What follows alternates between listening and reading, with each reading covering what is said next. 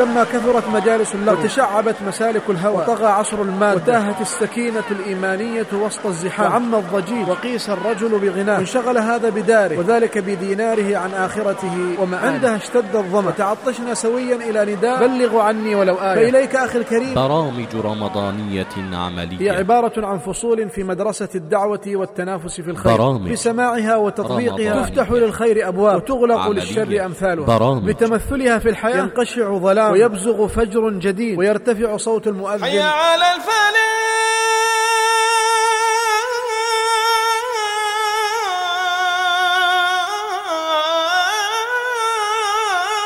معلنا عهدا جديدا. أهم ملامحه إمساك عن الحرام. وصيام عن الآثام. واستغفار في الأسحار. وانتظار للأذان بالأشواق. وتهافت على تكبيرة الإحرام. وولهم بالصف الأول. ملازمة للكتاب. ومعانقة للسنة. وتلمس لمجالس الصالحين. وتنافس في الخيرات. هذه المحاضرة. صيحة تنادي فيه. الصلاة خير من النوم. والتجلد خير من التبلد. والعالي يرجو المعالي ومن جد وجد ومن زرع حصد في هذه سوف المحاضرة نقطف بإذن الله تعالى ثمارا خمسا من ثمار الخير والدعوة. برامج عملية للأسرة. الجلسة الرمضانية. ما أجمل أن يكون هناك لقاء عائلي في أول الشهر. تحث برامج الأبناء فيه على أهمية للأسرة. هذا الشهر والحرص عليه. وأهم الأعمال التي يجب أن يقوم وضع لوحة إعلانات منزلية. يتم وضع الإعلانات المهمة فيه كموعد الصلوات برامج وبرنامج زيارة الأقارب. والتذكير بمحاضرة أو لقاء عائلي أو استراحة أو حكمة. شهر السنة. إنها محاولة جادة من الأسرة على أن يكون الشخص للأسرة. الأول في حياتها هو رسول الله صلى الله عليه وسلم. برامج عملية للأطفال. والشباب. حثهم على الصيام وتربيتهم عليه. وهذا هدي دع أولادك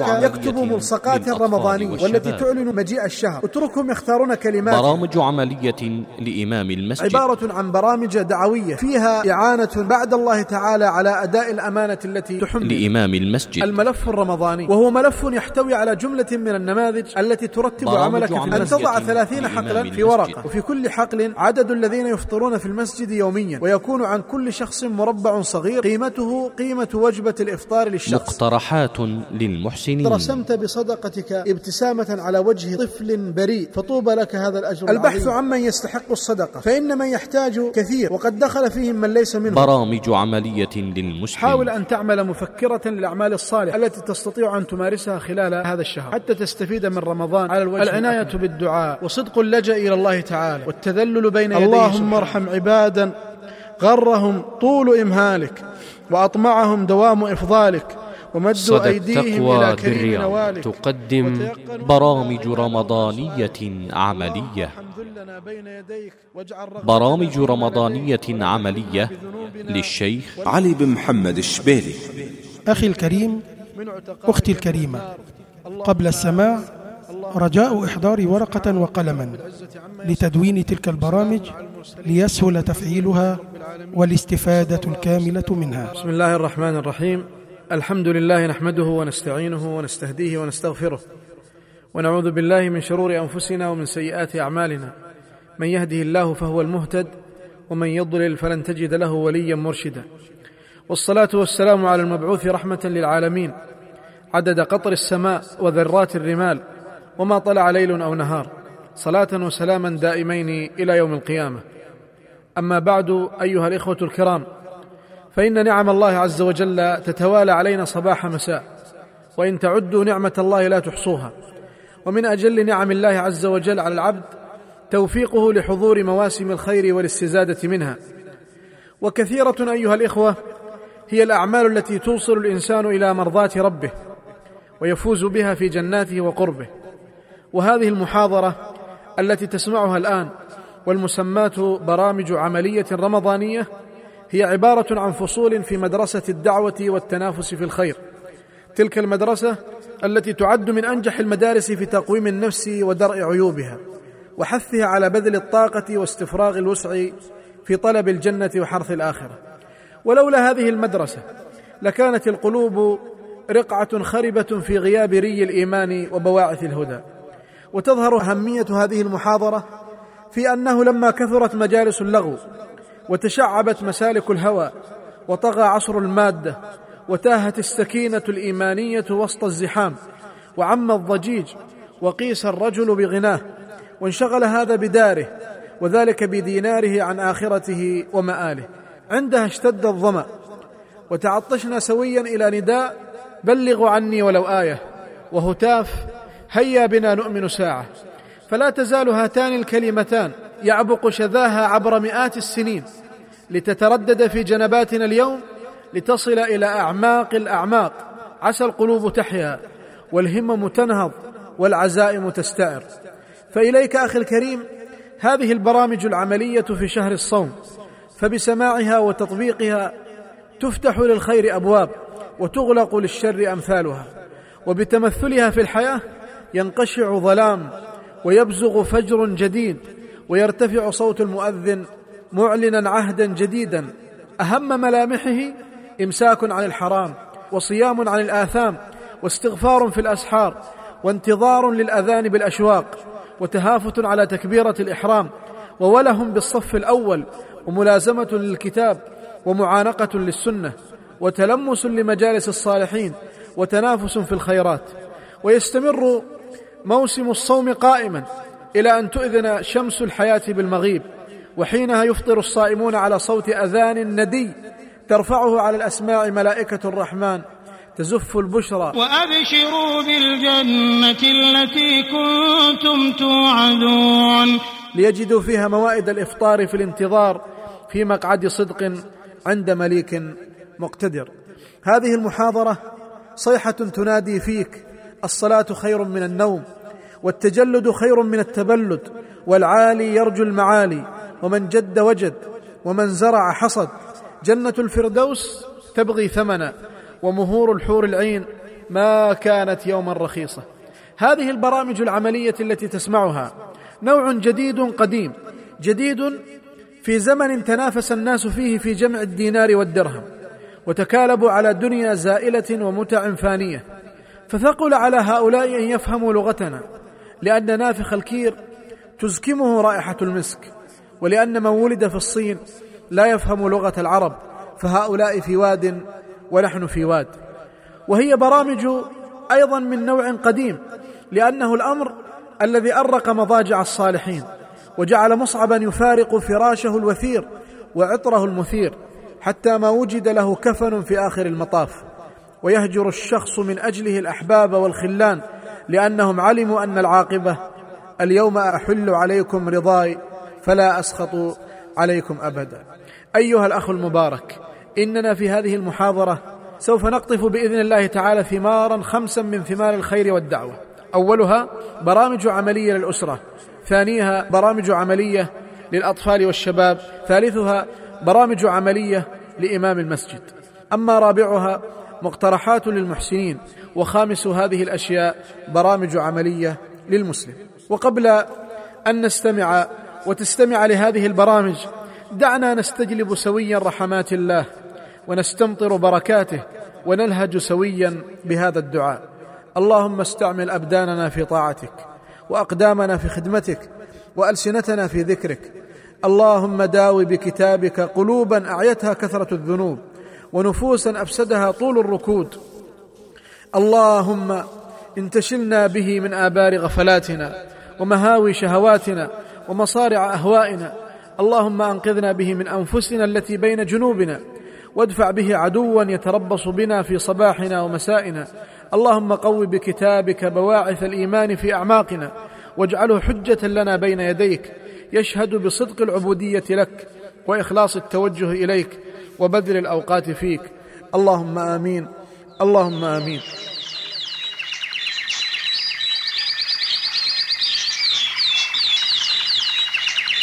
ونبدأ أيها الإخوة في هذه المحاضرة ببرامج عملية للأسرة.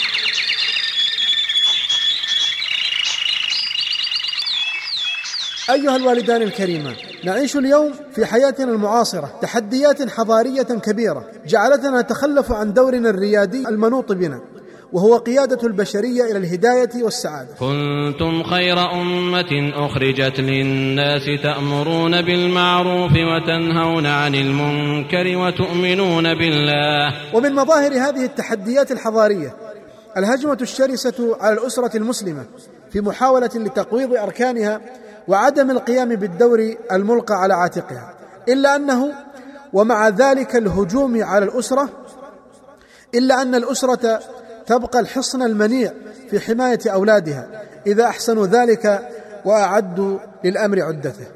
ونحن مقبلون على هذا الشهر الكريم بل أصبحنا نستظل بظله وهو من أفضل الفرص لتربية الأبناء والأعتناء بهم.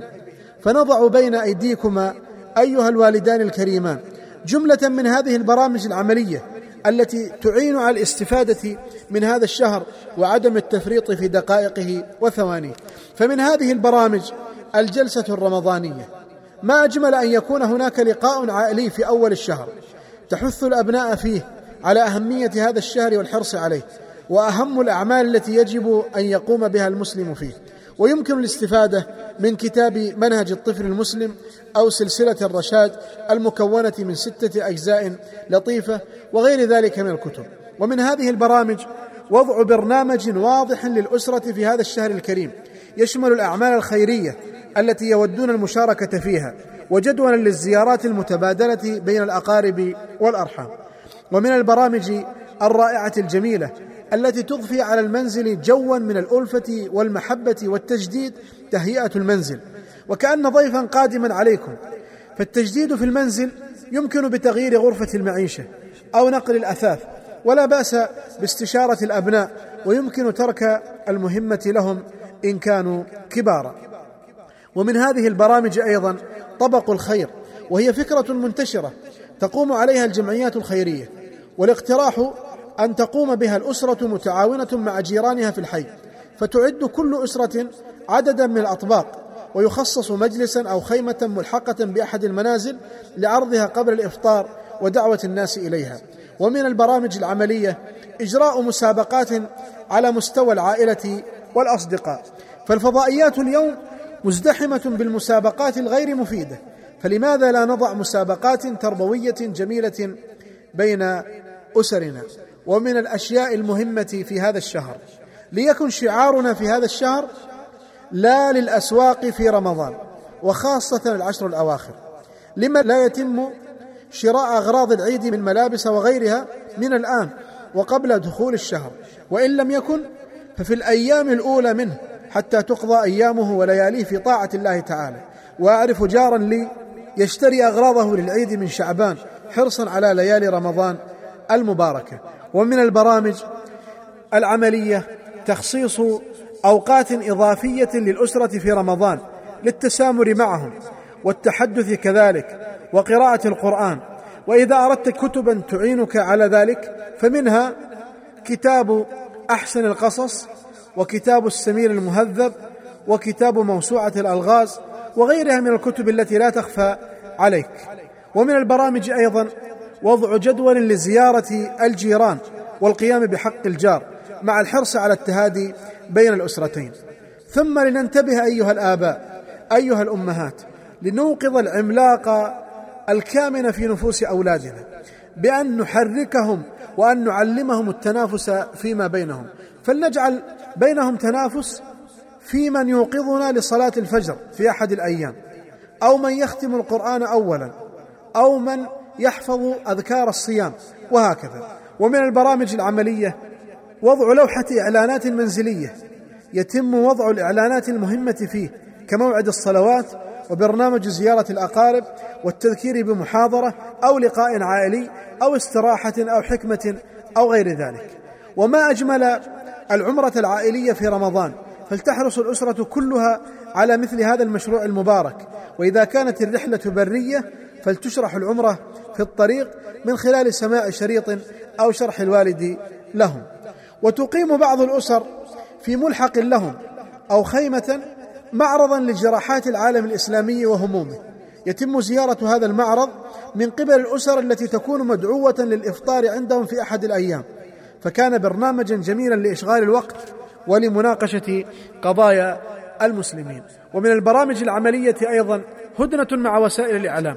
إن وسائل الإعلام تستنزف اوقاتا كبيرة منا. فلما لا نتوقف قليلا في هذا الشهر عن الجلوس لساعات أمام الشاشات أو على مواقع الإنترنت سنشعر عندها بلذة وراحة ضع ورقة على شاشة التلفزيون أو الحاسب مكتوبا عليها وهو خطاب من التلفزيون للشخص الذي يراه. أنا في إجازة. أرجو أن تستغل وقتك في شيء آخر نافع. دعنا نحاول سويا لعلنا ننجح. ومن البرامج المهمة المكتبة الرمضانية وذلك بتكوين جملة من الكتب والأشرطة عن رمضان وكذا مجموعة من الكتب الجديدة تكون مفزعا للأسرة جميعها في الاستفادة منها في وقت الفراغ. إذ لا بد في البيوت من توفير أكبر قدر ممكن من وسائل التثقيف الشخصي لإشغال الوقت بما ينفع. ومن هذه البرامج أيضا وهي للوالد وللوالدة خاصة شهر التصفية.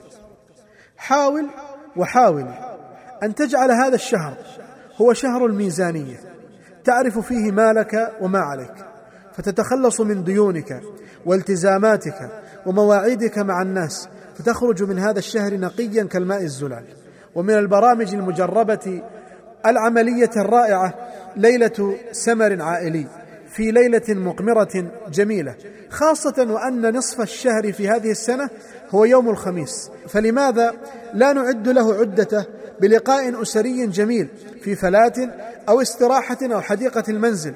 نناقش فيه مسائل الصيام ويحاور فيه الأبناء وتجتمع فيه الأسرة وينفع الله عز وجل بمثل هذه اللقاءات.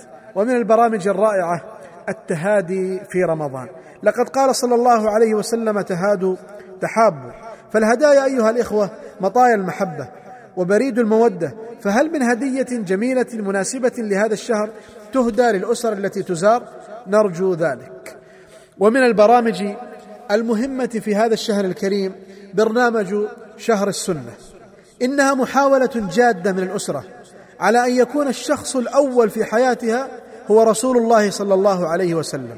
فتحرص على كل سنة نقلت عنه في هذا الشهر لتطبيقها من قبل الجميع كالإفطار على التمر وتعجيل الإفطار وتأخير السحور والحرص على السواك وغيرها من السنن الثابتة عن نبينا صلى الله عليه وسلم فهنيئا لمن فاز وحرص على الاقتداء بالنبي صلى الله عليه وسلم فإن الاقتداء به في الدنيا شرب من حوضه في الآخرة بإذن الله جل وعلا. ومن البرامج كتابه بطاقة تهنئة لكل أسرة من الأقارب وتكليف الأبناء بإعدادها وتوصيلها ويمكن شراء هذه البطاقات أو طبعها من مواقع الإنترنت. ومن البرامج أيضا محاولة تمديد شبكة من المكبرات والسماعات داخل المنزل لسماع الأشرطة النافعة أو كلمة لأحد العلماء الزائرين للبيت أو طلبة العلم. ويمكن أن يتحكم في تشغيل السماعات من مكان واحد في المنزل. ومن البرامج المهمة. أيها الأخ من البرامج التي ينبغي أن نحرص عليها في هذا الشهر الكريم والتي لها أجر عظيم عند الله تعالى. السعي في الإصلاح بين المتخاصمين والمتشاحنين من العائلة وتذكيرهم بالنصوص المخيفة في ذلك. فمنها قوله صلى الله عليه وسلم لا يحل لمسلم أن يهجر أخاه فوق ثلاث ليال. وقوله صلى الله عليه وسلم ثلاثة لا ترفع صلاتهم فوق رؤوسهم شبرا. وذكر منهم عليه الصلاة والسلام رجلا هجر أخاه فوق ثلاث. وقوله صلى الله عليه وسلم من هجر أخاه فوق سنة كان كسفك دمه وأيضا قوله صلى الله عليه وسلم عن المتهاجرين أحسب أنهما إذا ماتا على صرامهما دخلا النار وتعرض الأعمال على الله عز وجل يوم الاثنين والخميس. فيغفر لكل أحد. إلا للمشرك والمشاحن. فهل بعد هذه الأحاديث وسماعنا لها هل هناك من أحد يستمر في هجره لأخيه؟ لا أظن ذلك. فمن كان يخاف الله ويقتدي برسول الله صلى الله عليه وسلم ويسمع هذه الأحاديث فليبادر منذ اللحظة إلى إصلاح ما بينه وبين أحد من أقاربه أو أصدقائه حتى لا يفرح الشيطان بتهاجرنا. ومن الأشياء والأفكار المهمة أنه ستمر بكم تجارب رائعة في إدارتكم لأسرتكم. فدعونا أيها الإخوة نكتب هذه التجارب وننشرها في المجلات الإسلامية ومواقع الإنترنت فالدال على الخير كفاعله. وفي البيت لديكم امرأة غريبة تعيش معكم فما نصيبها في هذا الشهر من أمور العبادة والقرب؟ إنها الخادمة. إنه ليس من العدل.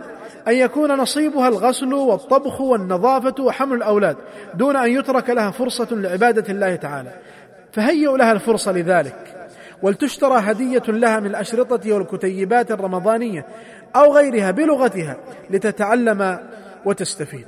ومن البرامج أيضا يوم التصفية. حددوا يوما في بيتكم لتصفية ما لا تحتاجون إليه من أثاث وأشرطة وأوان وغيرها. فهناك أناس كثير بحاجة إلى جزء مما في بيوتنا. فلنكن نحن أول المبادرين ولنحث عليه أقاربنا وجيراننا واصدقائنا كذلك وخاصة في أيام الإفطار العائلي. ومن البرامج يوم البر. هل لكم قريب متوفى والد أو والدة أخ أو أخت أو غيرهم؟ لما لا تتصدق عنهم في هذا الشهر؟ في التبرع مثلا لإفطار الصائمين وسقياهم ودعوتهم أيضا والتبرع للمسجد وأثاثه وشراء مصاحف وكتب وكلها على نية ذلك المتوفى. إنه جزء من الوفاء والحق الواجب علينا تجاه ذلك الميت والجزاء من جنس العمل. فلعل الله عز وجل يسخر لك ذرية من بعدك. لا تترك الصدقة عنك بعد موتك. ومن البرامج إهداء مصحف لكل واحد من أفراد الأسرة للقراءة فيه في رمضان ويكون ذو حجم صغير حتى يتيسر حمله في أكثر من مكان. والعيد أيها الإخوة مناسبة كبيرة جدا للأسرة فليضع كل فرد من الأسرة خطته لاستقبال العيد فيكتب أفكاره لقضاء العيد والأماكن التي يود الخروج إليها وتهيئة المنزل بالزينة والتجديد فيه وتجهيز هدية للصغار ولكبار السن كالجد مثلا والجدة وإقامة وليمة للعائلة وإقامة مهرجان للأطفال تتخلله برامج هادفة وألعاب ترفيهية. أسأل الله تعالى أن يجعل أبناءكم ويجعل أبناءنا قرة عين لنا في هذه الدنيا. اللهم آمين.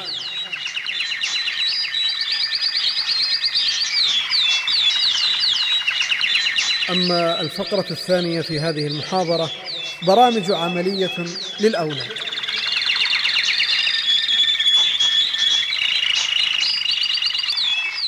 الأولاد زينة الحياة الدنيا وهم نعمة من الله تعالى علينا.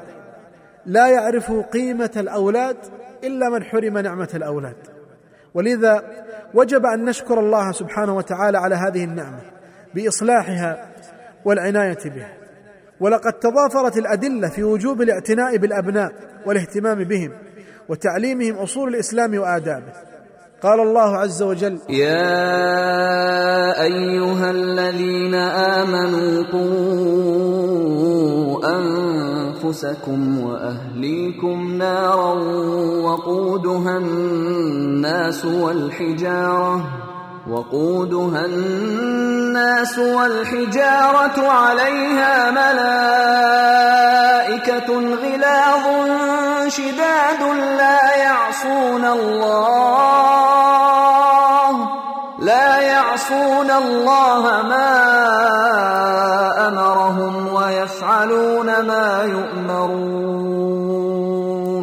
ويوصي النبي صلى الله عليه وسلم ابن عمه فيقول يا غلام إني معلمك كلمات. احفظ الله يحفظك. احفظ الله تجده تجاهك. إلى آخر الحديث. ويقول النبي صلى الله عليه وسلم مروا أولادكم بالصلاة وهم أبناء سبع سنين واضربوهم عليها وهم أبناء عشر سنين وفرقوا بينهم في المضاجع. وجماع ذلك كله قوله صلى الله عليه وسلم كلكم راع وكلكم مسؤول عن رعيته فالرجل راع ومسؤول عن رعيته. والمرأة راعية على أهل بيت زوجها وولده وهي مسؤولة عنهم. ولهذا الشهر شهر رمضان الكريم جوه المميز واعتناؤه الخاص وهي نقلة جديدة في نفوس الأبناء. ينبغي علينا كآباء الاهتمام بها ورعايتها حق رعايتها. ولهذا كانت هذه المقترحات العملية التي تضفي على هذا الشهر الحيوية والتجديد في حياة أولادنا فإلى هذه البرامج. من هذه البرامج حثهم على الصيام وتربيتهم عليه. وهذا هدي من سلف من أصحاب النبي صلى الله عليه وسلم ومن بعدهم. فهذه الربيع بنت معوذ رضي الله عنها تقول كنا نصوم صبياننا الصغار ونذهب إلى المسجد ونجعل لهم اللعبة من العهن فإذا بكى أحدهم على الطعام أعطيناه إياها حتى يكون الإفطار. وفي رواية عند مسلم فإذا سألون الطعام أعطيناهم اللعبة تلهيهم حتى يتموا صومهم. وفي هذا الحديث فوائد. الفائدة الأولى مشروعية تمرين الصبيان على الصيام. قال ابن حجر وفي الحديث حجة على مشروعية تمرين الصبيان على الصيام لأن من كان في مثل هذا السن الذي ذكر في الحديث فهو غير مكلف وإنما صنع لهم ذلك للتمرين. وثاني هذه الفوائد ينبغي أن يهتم الآباء والأمهات بتقديم ما يشغل أولادهم عن الأكل من الأمور المباحة كاللعب ونحوها إعانة لهم على إتمام الصيام. ومن البرامج العملية للأولاد تعليمهم آداب الأكل والضيافة والحديث خاصة لكثرة الحاجة إليها في هذا الشهر. وحبذا لو علقت في صالة الطعام ورقة كبيرة بخط واضح فيها ذكر لآداب الطعام وما يحتاج إليه من الآداب. وثالث هذه البرامج تدريب الأبناء على النوافل وحثهم عليها كالسواك والسنن الرواتب والتراويح وقيام الليل وتفطير الصائمين. ومنها أيضا اصطحاب الأولاد لشراء أغراض رمضان مع تعليمهم الاقتصاد في ذلك. وهذه الصحبة تزيدهم فرحة بهذا الشهر وتشعرهم بأن جوا آخر سوف يقدم عليهم غير الأشهر الماضية. دع أولادك يكتبوا ملصقات رمضانية والتي تعلن مجيء الشهر. اتركهم يختارون كلماتها ويكتبونها بخطهم. دعهم يكتبوا قول النبي صلى الله عليه وسلم. تسحروا فإن في السحور بركة.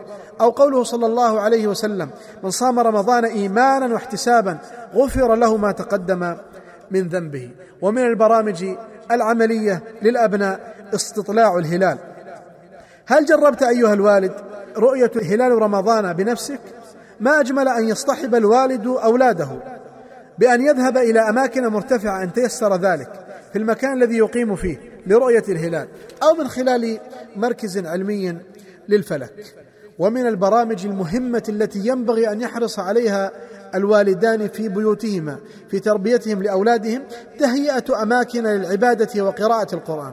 فقد ثبت هذا عن سلفنا الصالح باتخاذ مصليات داخل بيوتهم العباده وأثبتت الدراسات اليوم أن تخصيص مكان محدد لفعل شيء محدد يأتي بنتائج مذهلة. فما رأيك بتجهيز مكان لقراءة القرآن للأسرة؟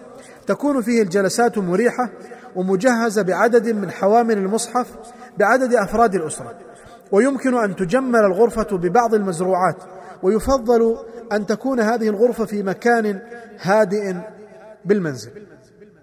ومنها أيضا دعهم يفكروا في مشروع خيري ينفذوه بأنفسهم كمساعدة أسرة فقيرة أو المساعدة في إفطار المسجد وغيرها من البرامج. ومن البرامج العملية عقد درس للأبناء عن فقه الصيام وأحكامه والقراءة من أحد الكتب الواضحة الجلية في هذا الموضوع. ولا ننسى توفير كتاب فقه السنة للأطفال والكتاب الآخر فقه السنة للبنات فسيساعدهم كثيرا على فهم أحكام الصيام. ومن البرامج العملية حثهم على المشاركة في المسابقات التي تعد من قبل المدرسة أو المسجد حتى تشغل هذه المسابقات أوقاتهم ويستفيدوا منها أيضا مع توفير المراجع التي يحتاجون إليها. ومن البرامج أيضا وضع جدول للتعاون الأسري للأولاد. توزع فيه مهام المنزل على الأبناء على مدار الشهر. على تتغير هذه المهام كل أسبوع. فأحدهم عليه مثلا إيقاظ إخوانه للصلاة والآخر وضع الإفطار والثالث مساعدة والدته في أمر ما ويعلق هذا الجدول في مكان بارز ليعرف كل شخص دوره وتمتع بعد ذلك بالسعادة بعدها. ومن الأشياء حث الأبناء أيضا جمعهم ملابسهم القديمة والتصدق بها على الأسر الفقيرة. أما أروع هذه البرامج وأجملها وأكثرها أجرا فهو استضافة أحد الأيتام إلى البيت ليعيش مع أولادك ويصوم معهم ويفطر ويلعب. فما احرانا أيها الإخوة نأتي بشخص من هؤلاء الأيتام وأن نستضيفه من المؤسسة التي هي حاضنة له وأن نأتي به إما في آخر الأسبوع أو نجعله شهر رمضان كاملا عندنا. عندها سنشعر بالبركة في البيت مع رقة في قلوبنا فنسأل الله أن يعيننا على هذا المشروع. ومن هذه البرامج تنظيم أوقات النوم داخل الأسرة وعدم التهاون في أمر السهر حتى يتيسر القيام للسحور وصلاة الفجر بنشاط. ومنها أيضا عمل مسابقة لهم في حفظ سورة معينة لها فضيلة خاصة كسورة تبارك مثلا أو مجموعة من الأذكار أو مسابقة في الحرص على تكبيرة الإحرام والسنن الرواتب وغيرها. ومن هذه البرامج اصطحاب الأولاد المميزين إلى لقاءات العائلة وإفطار المسجد لتنمية العلاقات الاجتماعية لديه. ومن هذه البرامج أيضا الترغيب في ختم القرآن كاملا وتشجيعهم بالجوائز إن لزم الأمر. وإذا تيسر جلوس الأسرة بكاملها لقراءة ختمة كاملة من الجميع في مصلى المنزل فذلك خير عظيم. أما آخر هذه البرامج فهو عمل مفكرة خاصة بالأولاد تضبط لهم أوقاتهم وتحتوي على وصايا مهمة لهم مع ورقة متابعة قراءة القرآن الكريم وورقة لمتابعة برنامجه اليومي الخاص وورقة للأفكار الإبداعية التي يبتكرها ولدك ومواعيد الزيارات العائلية وغيرها من الأشياء التي تراها أنت مناسبة لأولادك. هذه جملة من البرامج المقترحة لكم أيها الوالدان في تربية هؤلاء الأبناء. ولديكم الكثير الكثير من هذه البرامج لكن أحببت أن أثير اهتمامكم بهذه القضايا وأسأل الله عز وجل أن يوفقنا وإياكم لتربية هؤلاء الأبناء.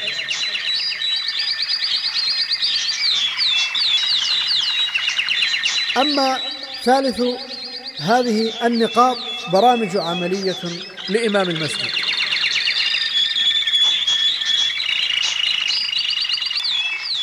أخي الكريم إمام المسجد وفقك الله لكل خير.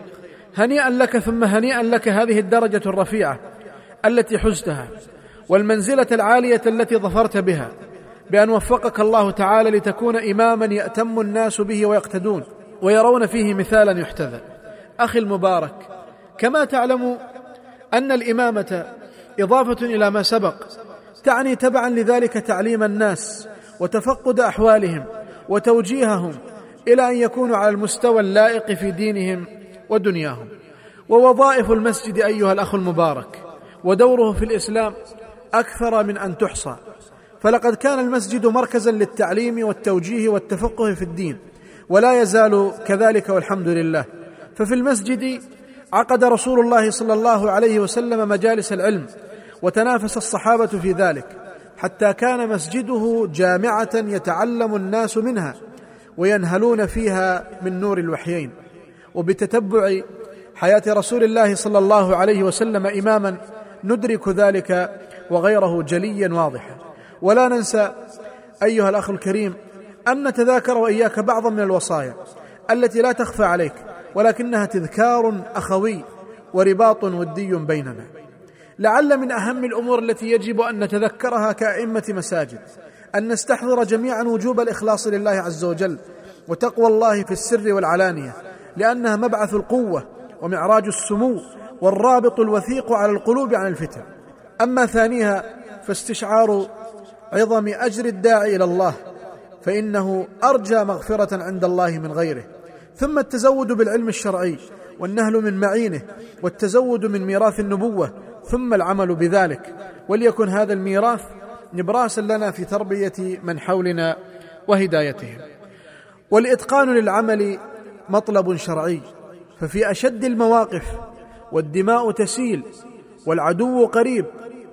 ولكن مع هذا الموقف الصعب تنزل الدعوة من الله إلى الاهتمام بالإتقان. إن الله يحب الذين يقاتلون في سبيله صفا كأنهم بنيان مرصوص.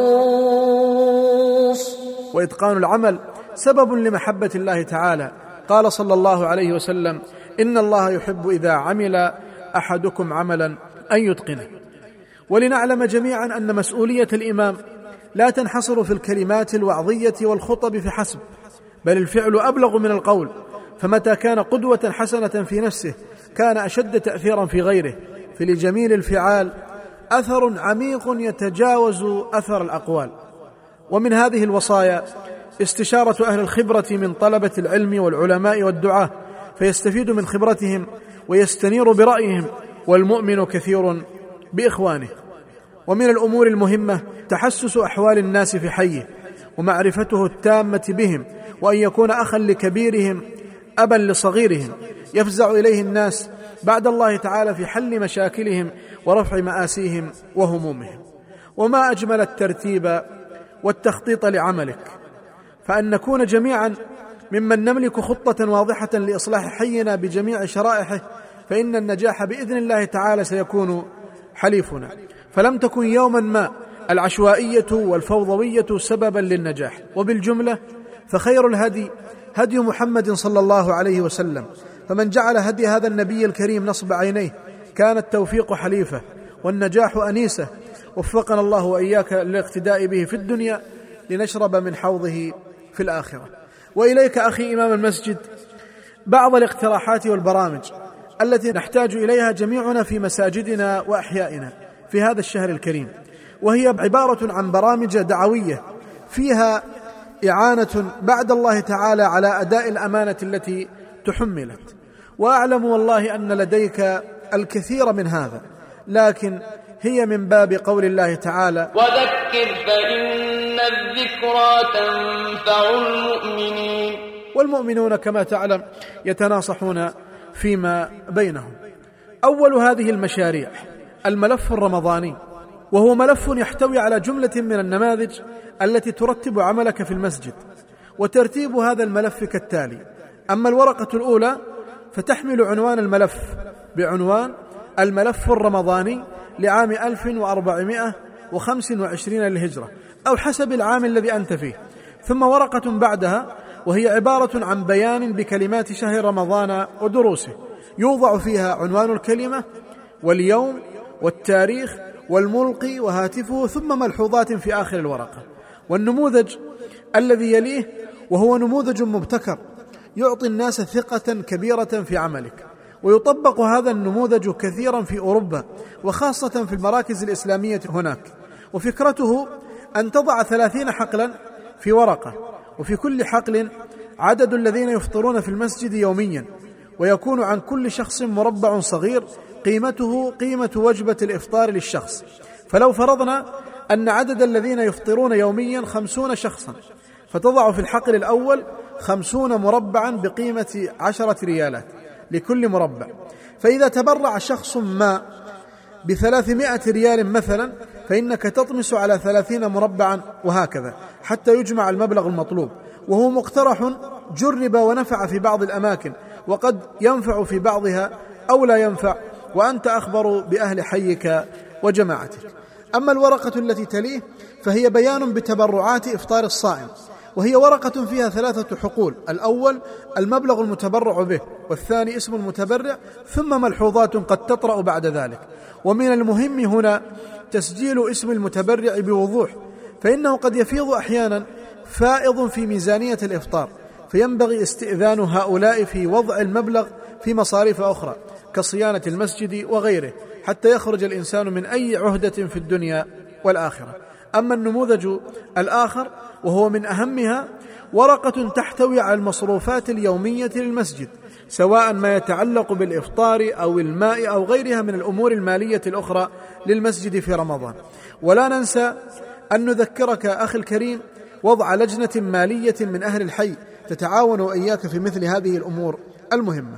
وقد يحتاج بعض الأشخاص إلى نموذج آخر متعلقا بزكاة الفطر في آخر الشهر وترتيبها والتنسيق مع الجمعيات الخيرية فيها تيسيرا على المصلين ومعاونة للعاملين في الجمعيات الخيرية. ومن هذه البرامج العملية في رمضان إضافة للملف الرمضاني ترتيب مشروع الإفطار في المسجد وحث الناس عليه. ولنحرص في الإفطار على الأمور التالية. اولا الحرص على دعوة هؤلاء الناس فإن لديهم من المخالفات العقدية والاجتماعية ما الله به عليم. فلنعمل بيانا في أول الشهر. عن أعداد كل جنسية ثم نشتري ما يحتاجونه من أشرطة وكتيبات بلغاتهم. وكذلك المصاحف فإن أهلهم في بلادهم يستفيدون منها كثيرا عند عودتهم إليهم. ثانيا استضافة داعية بلغة الجالية الموجودة عندك والتركيز على الجوانب العقدية والحرص على آدب الإسلام والأخوة فيما بينهم.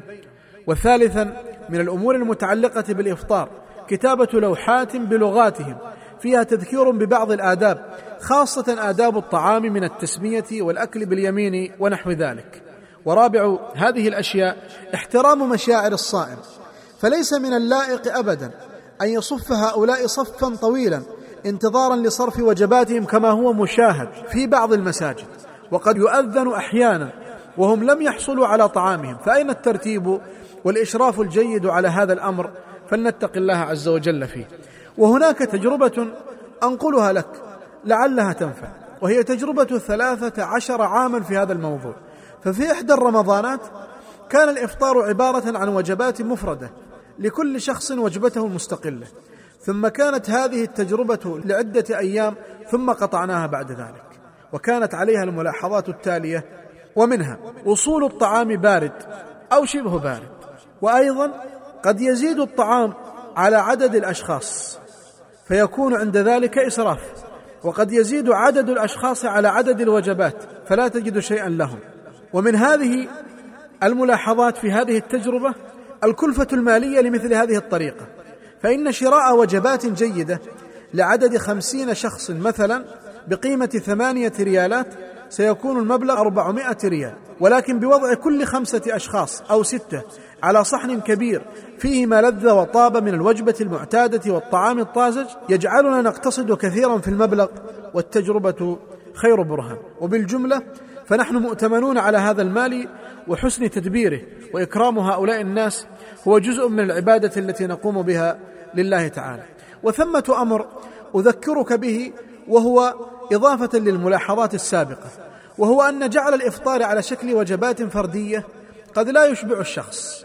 ودل على ذلك حديث رسول الله صلى الله عليه وسلم الذي أخرجه أبو داود وابن ماجه وصححه ابن حبان من حديث وحشي بن حرب رضي الله عنه أن أصحاب رسول الله صلى الله عليه وسلم قالوا يا رسول الله إنا نأكل ولا نشبع. قال فلعلكم تفترقون. قالوا نعم.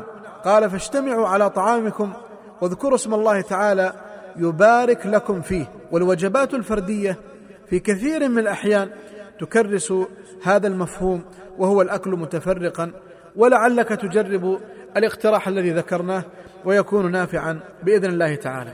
ومن هذه البرامج العملية في رمضان للأخ الكريم إمام المسجد عمل دورة قبل رمضان بأسبوع عن أحكام الصيام تستغرق يومين أو ثلاثة مع الاستعانة بوسائل الإيضاح المناسبة. ومنها عمل إفطار جماعي لأهل الحي بعيدا عن الإسراف والتكلف. وإنما الغرض منه الاجتماع والألفة ومحاولة دعوة الأشخاص الذين يأتون في موسم رمضان بدعوة شخصية تظهر لهم اهتمامك بهم. ولا بأس بهدية رمضانية منتقاة بعناية في هذا الاجتماع.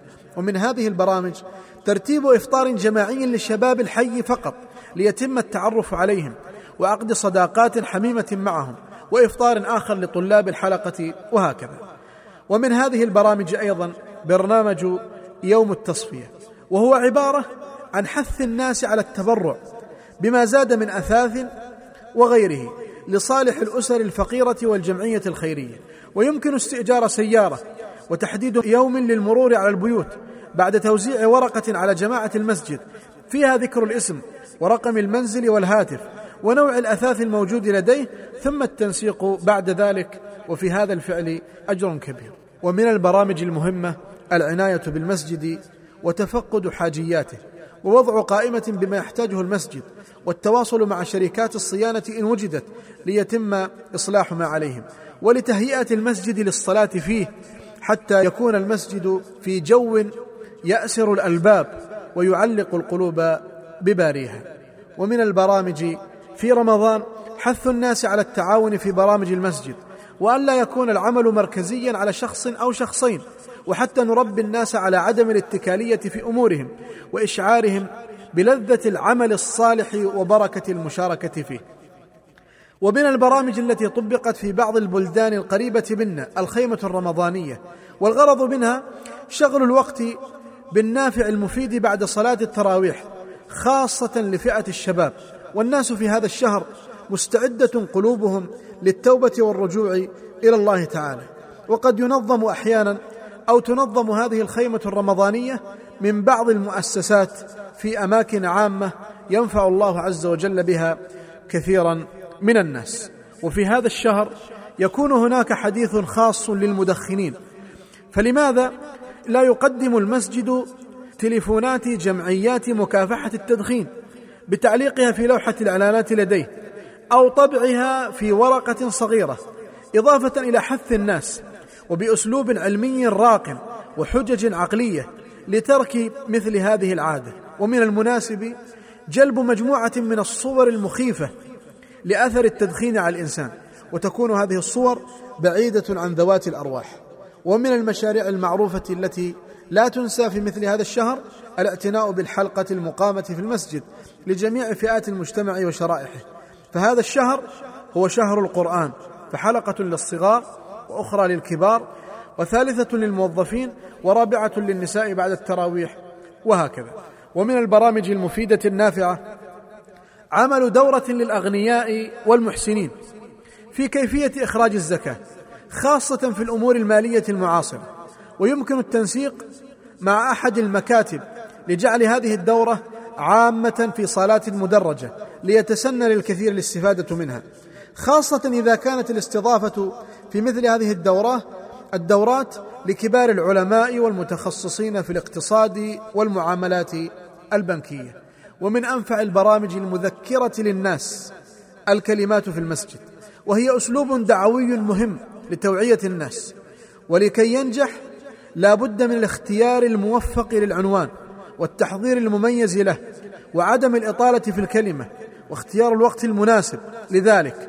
ومن المهم قراءة فتاوى الصيام المتوافرة بين يديك فان ما يجهله الناس من أحكام الصيام أكثر مما يعرفون. وما أجمل أن تكون كل كلمة منطلقة من آيات من كتاب الله تعالى ثم يفصل بعد ذلك الموضوع من بقية المراجع وذلك لربط الناس بهذا الكتاب العزيز. وفي هذا الشهر الكريم أيها الأخ المبارك تتنافس كل القنوات الفضائية في إشغال الناس وصرفهم عن طاعة الله تعالى من أوجه صرفهم لهم المسابقات والفوازير. ومن التجارب الناجحة لكثير من المساجد عقد المسابقات الرمضانية النافعة التي تحث على الخير وتثري المعلومة وتشغل الوقت بالنافع المفيد. ومن رأى ما عليه عامة الناس من تضييع الوقت في هذا الشهر الكريم علم أثر مثل هذه البرامج على إشغالهم وهذا نوع من تقليل الشر وتخفيفه. وفي المسابقات الوصايا التالية الإعداد المبكر لها المادة المتميزة ربط الناس كثيرا بالقرآن الكريم وإظهار ما فيه من الإعجاز والعلم الغزير. رفع المستوى الديني من خلال المسابقة تنوع أساليب المسابقة وعدم اقتصارها على شيء واحد. فمسابقة القول الراجح ومسابقة مشكلة وحلول ومسابقة أخرى في حفظ سوره معينة وتفسيرها وأخرى في حفظ أحاديث الصيام ومسابقة في قصة مؤثرة ومسابقة في المناظرات العلمية سواء في المسائل الفقهية أو غيرها ومسابقة في أجمل رسالة ومسابقة في أحسن كتاب وغير ذلك من الأشياء. ومن المهم أيها الأخ الفاضل أن ننتبه لقضية الجوائز. فإن كثيرا من المسابقات قد تقوم ثم بعد ذلك لا نجد شيئا نوزعه على الناس بعد حلهم لهذه المسابقات والله المستعان. ومن البرامج المهمة للإمام طباعة أرقام المبرات والجمعيات الخيرية وتوزيعها أو تعليقها لجماعة المسجد للتواصل معهم في فائض الطعام والله المستعان. مع التنبيه على حث الناس على الاقتصاد في هذا الشهر وعدم الإسراف فيه وأنه مثل غيره من الشهور في قضية الأكل ويمكن الاستفادة من إحصاءات بعض أمانات المناطق حول إسراف الناس في هذا الشهر.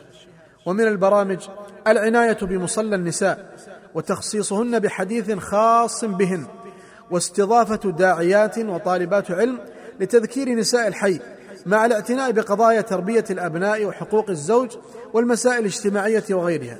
وقد توضع سلسلة من الكلمات لمعالجة قضية تربوية كتربية الأولاد ومشاكلها وغير ذلك.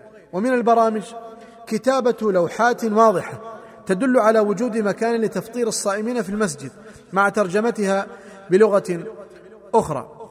ومن البرامج أيضا إعداد مفكرة رمضانية توزع على جماعة المسجد تحتوي على مواعيد الأذان في هذا الشهر وأرقام الجمعيات الخيرية وجدول لمتابعة القرآن خلال الشهر وجدول آخر لتنظيم الوقت كل يوم وآخر لمواعيد الزيارات العائلية وآخر فيه برنامج الإذاعة أي إذاعة القرآن الكريم في هذا الشهر وهكذا من الأفكار المطروحة التي لا تخفى عليك. ومن هذه البرامج حث الناس على المحاضرات وترغيبهم فيها وأنها من مجالس الذكر التي يحبها الله تعالى. ومن المشاريع النافعة في هذا الشهر مشروع استبدال الشريط الغنائي بشريط نافع. ففي هذا الشهر تقبل النفوس وتعرض عن اللغو فلنعنهم بهذا المشروع مع التنسيق مع أحد المكاتب الخيرية في ذلك. ومن المشاريع تحسس أحوال الفقراء في الأحياء ودل الأغنياء عليهم دون جرح لمشاعرهم أو ذكر لأسمائهم. ومن البرامج العملية في الحي عمل لقاء مع أحد من أهل الحي ككبير في السن أو طبيب أو وجيه وغير ذلك ليتعرف الناس عليه وليفيدهم من علمه المتخصص فيه. ومنها أيضا طرح مشروع كفالة يتيم على أهل الحي وحثهم على التواصل مع المؤسسات العاملة في ذلك. ولا ننسى أيها الأخ المبارك أن النجاحات الصغيرة توصلك إلى النجاحات الكبيرة. فلا تستهن ببعض المشروعات الصغيرة فهي التي تكسبك ثقة في قلوب جماعتك وتوصلك إلى مشاريع أكبر لنفع الإسلام والمسلمين. ومن هذه البرامج توزيع ورقة متابعة القرآن الكريم. وحبذا لو كانت باسم المسجد حيث تطبع وتوزع بعد تصويرها على ورق مقون وملون. ومنها أيضا المساهمة في رحلات عمرة للعمالة لما فيها من الأجر الكبير. وقد تكون هذه العمرة هي جوائز المسابقة التي تعمل للعمالة بلغتهم. وفي هذا الشهر يهدي الله تعالى أقواما بسماعهم للقرآن الكريم وتأثرهم بالدعاء. فلنحرص على مراجعة الحفظ والتغني بالقرآن وتدبر آياته والعيش مع كلام الله تعالى بقلوبنا ولنحرص على الدعاء النبوي والسنة فيه. والدعاء كما لا يخفاك قسمان دعاء ثناء ودعاء مسألة. فلنقدم بين يدي المسألة دعاء ثناء لله تعالى.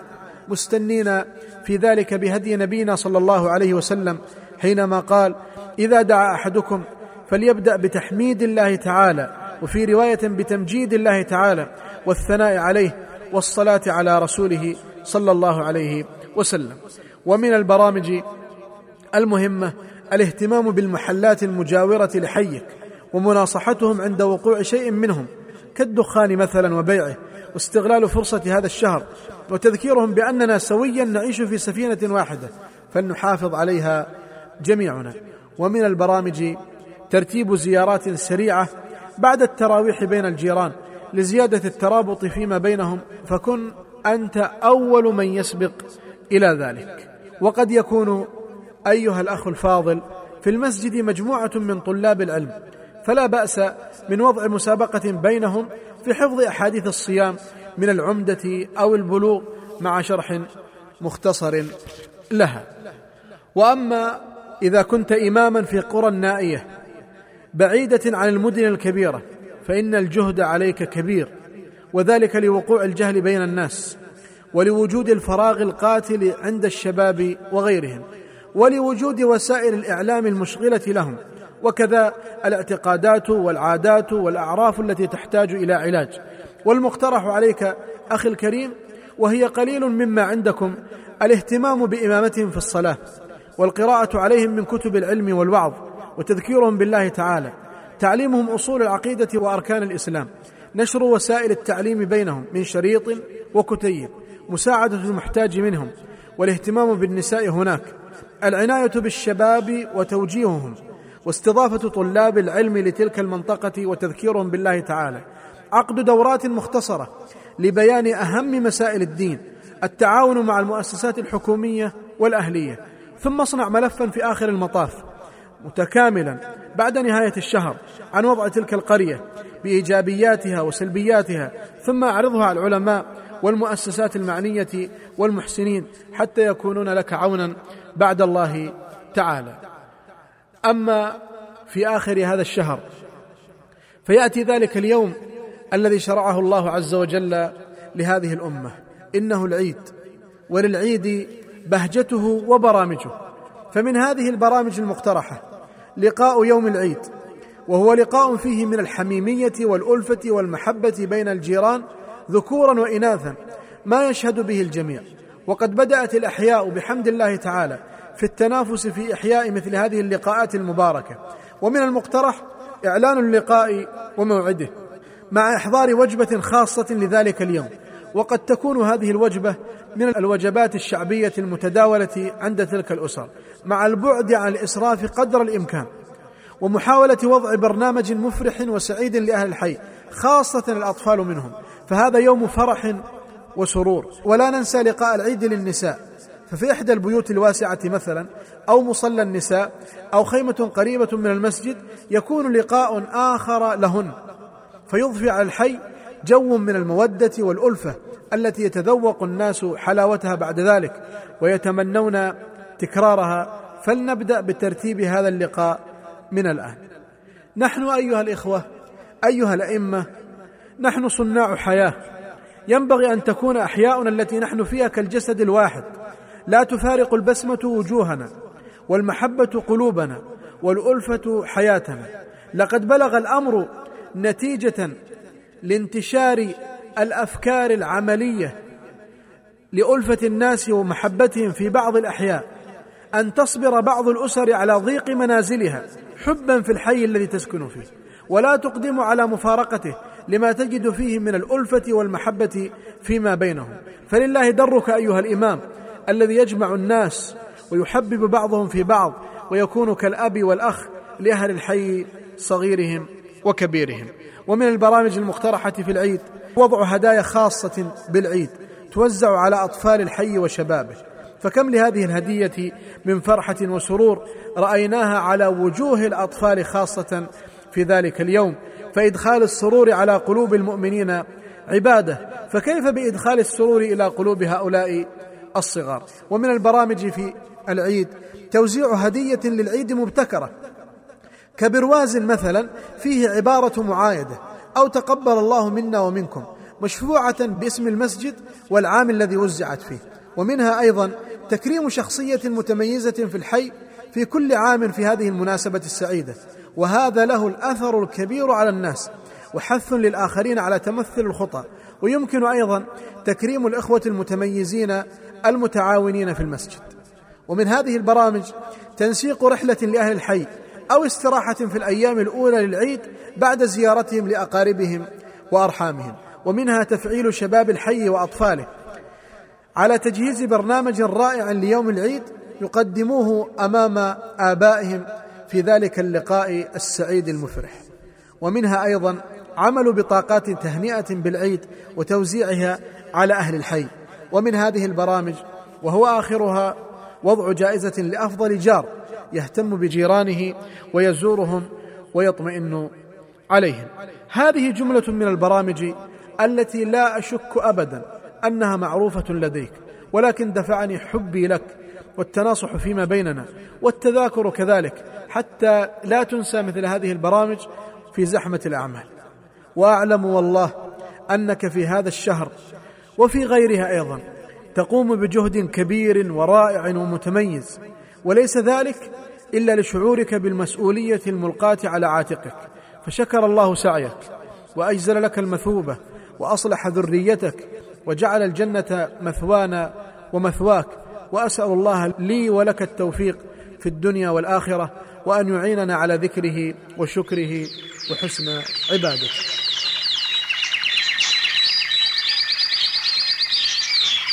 ومن هذه البرامج أيها الإخوة وهي النقطة الرابعة في هذه المحاضرة فهي مقترحات للمحسنين. أيها المحسن المبارك لكم نفرح عندما نرى أو نسمع اسمك في عداد المحسنين الذين ضمدوا جراحا غائرة ومسحوا دموعا منسكبة ولاموا نفوسا منكسرة وعزا ضائعا وكرامة مهدرة. لقد أصبحت كهفا يأوي إليه اليتامى والبائسون والحيارى والجوعى والفقراء والضعفاء والمكلومون والمرضى والمفجوعون والأرامل والمساكين والأيتام والمعاقون.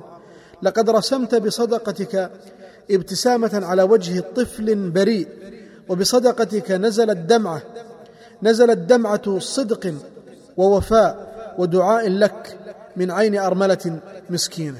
فطوبى لك هذا الأجر العظيم وطوبى لنا نحن وجود مثلك في المسلمين. لقد كنا نقرأ في كتب التاريخ عن أخبار المحسنين كأبي بكر وعمر وعثمان وعبد الرحمن بن عوف وأبي الدحداح وغيرهم أيضا في القرون التي تليه حتى خيل إلينا الا نجد احدا سواهم إلا قليل. لكنك وبتوفيق من الله أحييت ذكرهم وجددت عهدهم. فثبت الله خطاك على الخير وكتب لك الأجر والمثوبة. أيها الأخ الكريم إن مما يجعل الإنسان حريصا على البذل ونفع الناس ويحمسه إلى ذلك هو أن الله تعالى بجلاله وعظمته هو الذي يتولى هذه الصدقة وينميها لصاحبها. من ذا الذي يقرض الله قرضا حسنا فيضاعفه له أضعافا كثيرة. وليس هذا إلا للمسلم فقط وهذا من محاسن الإسلام فإن غير المسلمين قد ينفقون ولكن ما هي العاقبة؟ فستكون عليهم حسرة ثم يغلبون والذين كفروا إلى جهنم يحشرون. قد يتبرعون بملايين مملينة لكن العاقبة ليست كعاقبة المسلم. وإليك بعضا من أخبار صدقاتهم حتى تكون دافعا لنا. وقد أعرضت كثيرا عن ذكر قصص السلف وغيرهم ممن تبرعوا بأموالهم وأنفقوا صدقاتهم لوجه الله تعالى لعلمي أن هذه القصص منتشرة مشتهرة معروفة. فإليك أخبار بعض هؤلاء الأشخاص المعاصرين الذين لا ينتمون لدين الإسلام. وانظر إلى تبرعاتهم. كيف وصلت؟ تنازل أحد الأثرياء في هولندا عن ثروته التي تزيد عن 112 مليون دولار لصالح الكنيسة الكاثوليكية للأعمال الخيرية. وبعد أن أصيب رئيس شركة ديزني بنوبة قلبية تغيرت حياته 180 درجة فتبرع ب 570 مليون دولار. وتبرع بول جيتي تاجر النفط ب 180 مليون دولار للعمل الخيري. وصاحب أحد مطاعم البيتزا المشهورة تنازل عن ثروته ويخوته وطائراته والجزيرة والقطع الأثرية التي كان يملكها لأنه قرر أن يعيش فقيرا يخدم الفقراء. وتنازل عن ملكية ستة آلاف مطعم لصالح الكنيسة. وقام ببناء عدد من مدارس الراهبات وأسس جمعيات لمختلف المهنيين. وجامعة متخصصة في تدريس الحقوق. وانتقل للعيش في مزرعة في ضواحي ديترويت وقد بلغت ثروته بليون دولار. كل هذا تأثرا بقراءة كتاب عن التدين وأهميته لسلوك الإنسان. فأين هذا الكتاب؟ من كلام الله تعالى ووعده للمتصدقين. فرحم الله امرأ استعمله ربه في نشر دينه وسد حاجات المساكين وهي قصص لهم. ينبغي أن نستفيد نحن منها وأن تدفعنا للبذل من أجل ديننا. وهذه الصدقة التي نتكلم عنها. لا يخفى على أحد أنها من أحب الأعمال إلى الله تعالى وتدفع عن صاحبها البلايا والكروب وسوء الخاتمه وصاحبها مخلوف له في ماله مبارك له فيه. اللهم أعط منفقا خلفا وهي مكفرة للذنوب مطفئة للخطايا. وتشفع للإنسان في قبره عند سؤال منكر ونكير. وهي علامة على صدق إيمان العبد وقوة يقينه وحسن ظنه برب العالمين. والصدقة برهان. والمتصدق له أجر العامل ان كان مدرسا للقرآن أو صائما أو داعية أو غير ذلك. وتظل الصدقة صاحبها يوم القيامة. كما قال صلى الله عليه وسلم كل امرئ في ظل صدقته حتى يفصل بين الناس. يجري أجرها على صاحبها بعد موته إن كانت صدقة جارية كطباعة كتاب أو مصحف أو بناء مسجد أو بيت أو بئر أو حفر بئر أو زرع ونحو ذلك. وهي سبيل لنيل محبة الله تعالى. وأحسنوا إن الله يحب المحسنين. وبالصدقة والبذل خاصة في هذا الشهر اقتداء بالنبي صلى الله عليه وسلم. فقد كان أجود الناس وكان أجود ما يكون في رمضان بأبي هو وأمي صلى الله عليه وسلم. وإليك أخي المتصدق تذكيرا اخويا يفيض حبا ومودة لك. فمن الأمور المهمة التي يجب أو ينبغي أن يراعيها المتصدق الإخلاص الإخلاص. فمن بذل ماله من أجل الله تعالى لا يريد سمعة ولا ذكرى كانت متقبلة عند الله تعالى ويفوح ذكرها وينتشر شذاها وإن لم يدر صاحبها. صدقة السر عربون الفوز بظل الرحمن. إلا إن كان إظهار تلك الصدقة لمصلحة راجحة. كان يقتدي بك الناس ويتأسون. فيكون ذلك تنشيطا لنفوسهم إلى عمل الخير. فيكون عندئذ الإظهار أفضل. تعويد النفس على البذل ولو بالشيء اليسير. وقد قال سفيان تعودوا الخير فإنما الخير عادة. ورحم الله أم المؤمنين عائشة رضي الله تعالى عنها فإنه طرق عليها مرة مسكين فقالت لخادمها خذ هذا واعطه. فأعطته عنبة فاستقلها الخادم فقالت له كم في حبة العنبة من مثاقيل الذر؟ ألم تسمع قول الله عز وجل فمن يعمل مثقال ذرة خيرا يره ومن يعمل مثقال ذرة شرا يره؟ ومن هذه الوصايا والمقترحات البحث عمن يستحق الصدقة فإن من يحتاج كثير وقد دخل فيهم من ليس منهم. وكل هذا يدفعنا إلى مزيد تحري حتى نضع صدقاتنا في يد من هو أعظم اضطرارا إليها وأكثر استفادة منها. فاكشف كربا واقض دينا واطرد جوعا واكفل يتيما وابحث عن صدقات جارية. كان عمر بن الخطاب رضي الله تعالى عنه يتعاهد الأرامل يستقي لهن الماء بالليل فرآه طلحة رضي الله عنه مرة بالليل يدخل بيت امرأة فدخل إليها طلحة نهارا فإذا هي عجوز عمياء مقعدة فسألها ما يصنع هذا الرجل؟ قالت هذا منذ كذا وكذا يتعاهدني بما يصلحني ويخرج عني الأذى. فقال طلحة لنفسه ثكلتك أمك يا طلحة عورات عمر تتبع؟ انظر لهذا الرجل خليفة المسلمين يبحث عن هذه المرأة المقعدة العمياء ويخدمها رضي الله تعالى عنه. وقد رأيت مرة قصة عجيبة.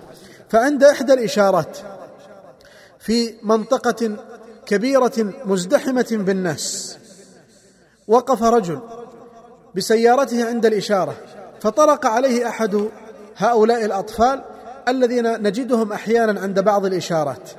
فلما طرق عليه نافذة سيارته بدأ الرجل في إخراج مبلغ ضخم لقد رأيته وهو يعد ذلك المبلغ حتى وصل إلى قرابة ستة آلاف أو أكثر ثم وضعه في يد ذلك الصبي الصغير ثم ذهب هل هذا الصبي مستحق؟ هل هذا المال الذي بذل صدقة أو زكاة؟ إننا ينبغي أن نحرص على أموالنا وأن نضعها في الأماكن التي تليق بها ومن الوصايا المهمة تعاهد الأقارب فالأقربون أولى بالمعروف. وفي البذل للأقارب بذل للصدقة وصلة للرحم. وأفضل هذه الصدقة على ذي الرحم المبغض المعادي كما جاء في الحديث عن رسول الله صلى الله عليه وسلم أفضل الصدقة على ذي الرحم الكاشح. إلا أنه قد يكون هناك شخص بعيد ليس من الأقارب. ولكنه أكثر حاجة وأعظم ضررا فليكن له من المال نصيب. هذه بعض المقترحات والوصايا التي أحببت أن أذكر بها أخي المتصدق. أسأل الله عز وجل أن ينفع بها وأن يجعل ما يبذله كل المحسنين والمتصدقين في موازين حسناتهم.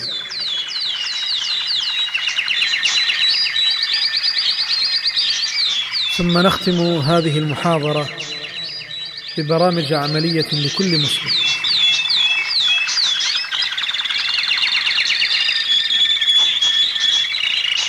فللمسلم في هذا الشهر وصايا ووقفات. فخذها أخي الكريم بقوة وعض عليها بالنواجذ فالحياة قصيرة والأعمال كثيرة والموفق من حرص على لحظاته كلها في طاعة الله تعالى. استمع معي إلى قول الله عز وجل بسم الله الرحمن الرحيم. هل أتى على الإنسان حين من الدهر لم يكن شيئا مذكورا؟ أتعرف معنى هذه الآية؟ إنها ببساطة. أن تتصور معي هذا السؤال. أنت قبل مئة سنة. هل لك ذكر في هذه الحياة؟ لا. وأنت بعد مئة سنة. لا يكاد يوجد لك ذكر في هذه الدنيا إلا الاسم فقط. فهل ستعمر هذه السنين بطاعة الله عز وجل؟ وهل سنستغل جميعا هذا الشهر الكريم في مرضاة الله سبحانه وتعالى؟ حتى إذا قابلنا ربنا عز وجل كانت أعمالنا صالحة خالصة لوجهه الكريم سبحانه وتعالى فإليك أخي الكريم هذه الوصايا والوقفات نفعنا الله وإياك بها النية الصادقة والعزيمة القوية على اغتنام هذا الموسم بطاعة الله تعالى وإذا أردت مثل هذا الأمر فعد هذا الشهر آخر شهر في حياتك. وقد كان رسول الله صلى الله عليه وسلم يصلي بأصحابه فيقول لهم صلوا صلاة مودع. فلعلك تصوم هذا الشهر ولا تصوم شهرا بعد ذلك. فاجعله آخر شهر من أشهر رمضان المباركة تصومه فإن هذا يدفعك إلى زيادة العمل. قراءة ما يحفز على اغتنام هذا الشهر من أحاديث الفضائل وخبر الصوام عبر العصور. ومن أحسن الكتب التي تعين على ذلك كتاب فقه الصيام وفضل رمضان للدكتور سيد بن حسين العفاني ويقع في مجلدين فحرص على اقتنائه. ومن البرامج تحديد موعد أداء العمرة من الآن. ومع من تكون. وما هو البرنامج الإيماني المقترح. ثم من هذه البرامج حاول أن تعمل مفكرة للأعمال الصالحة. التي تستطيع أن تمارسها خلال هذا الشهر حتى تستفيد من رمضان على الوجه الأكمل. ومنها أيضا تغيير بعض الأمور التي تود تغييرها في حياتك. فاستعن بالله ولا تعجز ولتكن عزيمتك قوية في إصلاح النفس. ومنها أيضا التقليل من الخلطة والجلوس إلى النفس كثيرا ومحاسبة النفس على ما مضى من العمر. ومنها أيضا الحرص على الفرائض والتبكير إليها ثم الزيادة في النوافل كصلاة الضحى وذكر الله تعالى وأذكار الصباح والمساء والتبكير للجمعة. ورمضان أيها الأخ الكريم فرصة لضبط اللسان على قول الكلام الحسن واللفظ الجميل بعيدا عن الشتم والدعاء على الغير. فلندرب أنفسنا وألسنتنا على ذلك. ومن هذه الوصايا المهمة ملازمة الصالحين والاستفادة منهم. وكذلك العناية بالإحسان إلى الناس. فالإحسان إلى الناس في شهر رمضان له طعم خاص. فقم به أنت بنفسك وادخل بيوت الأرامل والمساكين وسد حاجتهم ثم اسمع تلك الدعوات التي تخرج صادقة من قلوبهم لك. ومن هذه الوصايا المقترحة الاعتكاف.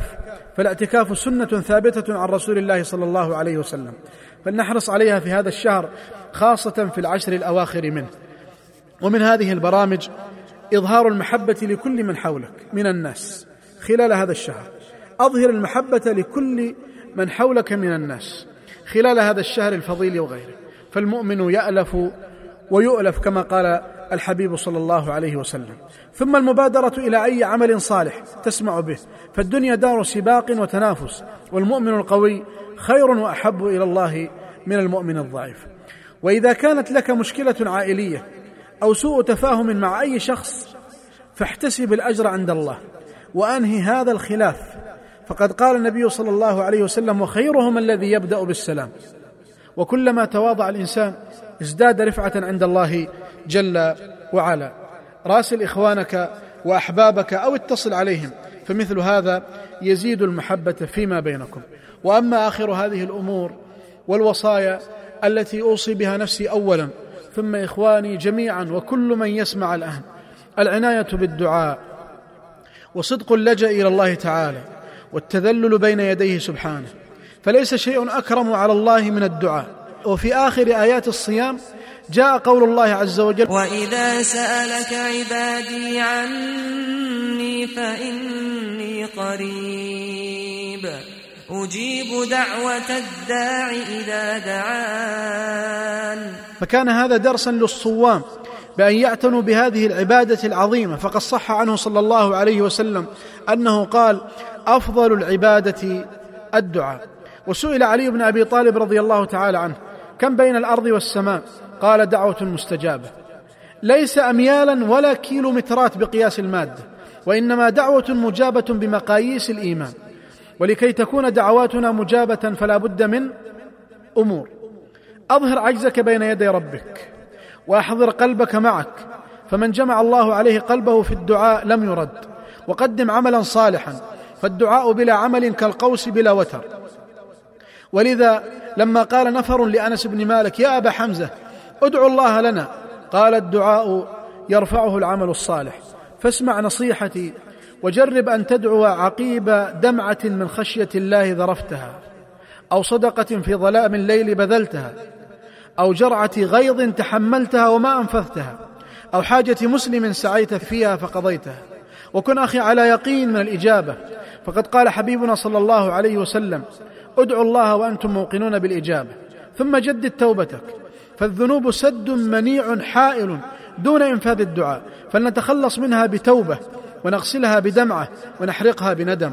ثم تخير أوقات الطلب كيوم عرفة من أيام السنة وشهر رمضان بين الأشهر ووقت السحر من ساعات الليل وبين الأذان والإقامة ودبر الصلوات المكتوبات وأثناء السجود وآخر ساعة من يوم الجمعة. وإذا وفقك الله عز وجل إلى التذلل بين يديه وإتقان ألفاظ الدعاء والثناء عليه قبل دعائك فأبشر بالإجابة منه سبحانه وتعالى.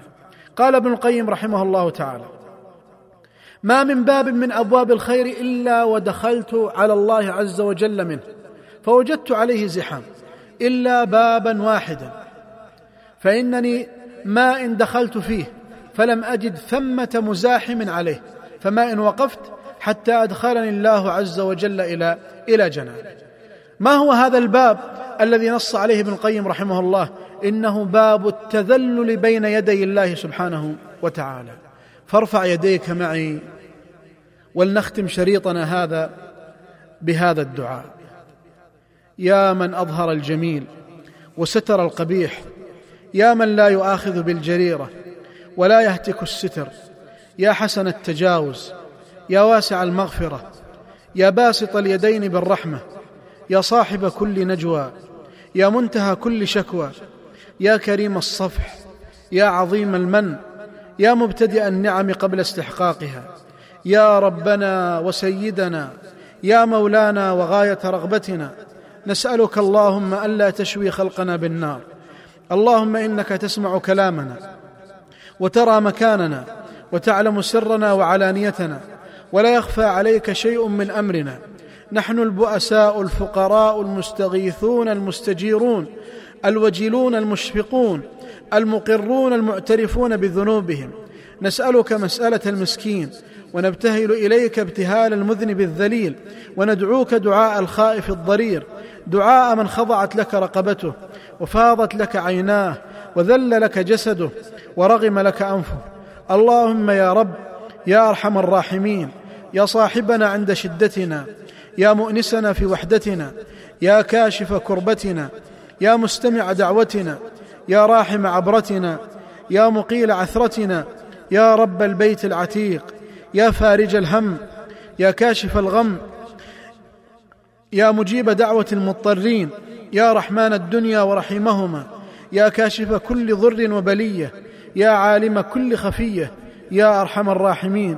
نسألك اللهم الجنة وما قرب إليها من قول وعمل. إلهنا يا من يملك حوائج السائلين ويعلم ضمائر الصامتين. يا من لا يزداد على كثرة السؤال إلا جودا وكرما وعلى كثرة الحوائج إلا تفضلا وإحسانا. يا من لا يشغله شأن عن شأن ولا سمع عن سمع ولا تشتبه عليه الأصوات ولا تختلف عليه اللغات. يا من لا يبرمه إلحاح الملحين ولا تضجره مسألة السائلين. اللهم أذقنا برد عفوك وحلاوة مناجاتك. إلهنا يا حبيب التائبين يا سرور العابدين يا أنيس المستوحشين يا من أذاق قلوب العابدين لذة الحمد وحلاوة الانقطاع إليه يا من يقبل من تاب ويعفو عمن أناب. إلهنا تتابع برك واتصل خيرك وعظم رفدك وتناهى إحسانك وصدق وعدك وبر قسمك وعمت فضائلك وتمت نوافلك ولم تبق حاجة إلا قضيتها وتكفلت بقضائها. اللهم فاختم ذلك كله بالرضا والمغفرة. إنك أهل ذلك والقادر عليه. إلهنا طوبى لمن سبقت له منك الحسنى. فصار بين أهل السماوات والأرض من أولي الاغتباط والسرور. إلهنا لمن نقصد وأنت المقصود ولمن نتوجه وأنت الموجود. ومن ذا الذي يعطي وأنت صاحب الكرم والجود؟ من ذا الذي نسأل وأنت الرب المعبود؟ يا من لا ملجأ ولا منجأ منه إلا إليه. يا من يجير ولا يجار عليه. ربنا إلى من نشتكي وأنت العليم القادر؟ إلى من نلتجئ وأنت الكريم الساتر؟ أم بمن نستنصر وأنت الولي الناصر؟ من ذا الذي يجبر كسرنا وأنت للقلوب جابر؟ من ذا الذي يغفر ذنبنا وأنت الرحيم الغافر؟ أنت العليم بما في السرائر الخبير بما تخفيه الضمائر المطلع على ما تحويه الخواطر. يا من هو فوق عباده قاهر يا من هو مطلع عليهم وناظر يا من هو الأول والآخر والباطن والظاهر. يا إله العباد يا كريم يا جواد يا من عليه يتوكل المتوكلون. يا من إليه يلجأ الخائفون يا مفرج الكربات يا غافر الخطيئات يا قاضي الحاجات يا مستجيب الدعوات يا كاشف الظلمات يا رافع البليات يا ساتر العورات يا رفيع الدرجات يا إله الأرض والسماوات من لنا إلهنا إذا قطعتنا ومن ذا الذي يضرنا إذا نفعتنا ومن ذا الذي يعذبنا إذا رحمتنا. إلهنا ها نحن عبيدك. الخاضعون لهيبتك المتذللون لعزك وعظمتك الراجون جميل رحمتك أمرتنا ففرطنا ولم تقطع عنا نعمك ونهيتنا فعصينا ولم تقطع عنا كرمك وظلمنا أنفسنا مع فقرنا إليك فلم تقطع عنا غناك يا كريم. إلهنا من أطمعنا في عفوك وجودك وكرمك وألهمنا شكر نعمائك وأتى بنا إلى بابك ورغبنا فيما عددته لأحبابك. هل ذلك كله إلا منك؟ دللتنا عليك وجئت بنا إليك. فوا خيبة من طردته عن بابك ويا حسرة من أبعدته عن طريق أحبابك. إن كانت رحمتك للمحسنين فأين تذهب آمال المذنبين؟ اللهم ارحم عبادا غرهم طول إمهالك وأطمعهم دوام إفضالك ومدوا أيديهم إلى كريم نوالك. وتيقنوا أن لا غنى لهم عن سؤالك. اللهم ارحم ذلنا بين يديك واجعل رغبتنا فيما لديك. ولا تحرمنا بذنوبنا ولا تطردنا بعيوبنا. اللهم اجعلنا يا ربنا في هذا الشهر الكريم من عتقائك من النار. اللهم آمين. اللهم آمين. سبحان ربك رب العزة عما يصفون وسلام على المرسلين. والحمد لله رب العالمين. وصلى الله وسلم وبارك ونحيطكم علما. بأن حقوق النسخ محفوظة. شكر الله لفضيلة الشيخ على ما قدم وجعله في ميزان حسناته. وإلى اللقاء مع شريط آخر. وتقبلوا تحيات إخوانكم في تسجيلات التقوى الإسلامية الرياض. والسلام عليكم ورحمة الله وبركاته. بموجب فهرس تسجيلات التقوى فإن رقم هذا الشريط هو أربعة عشر ألفا ومائة وعشرون.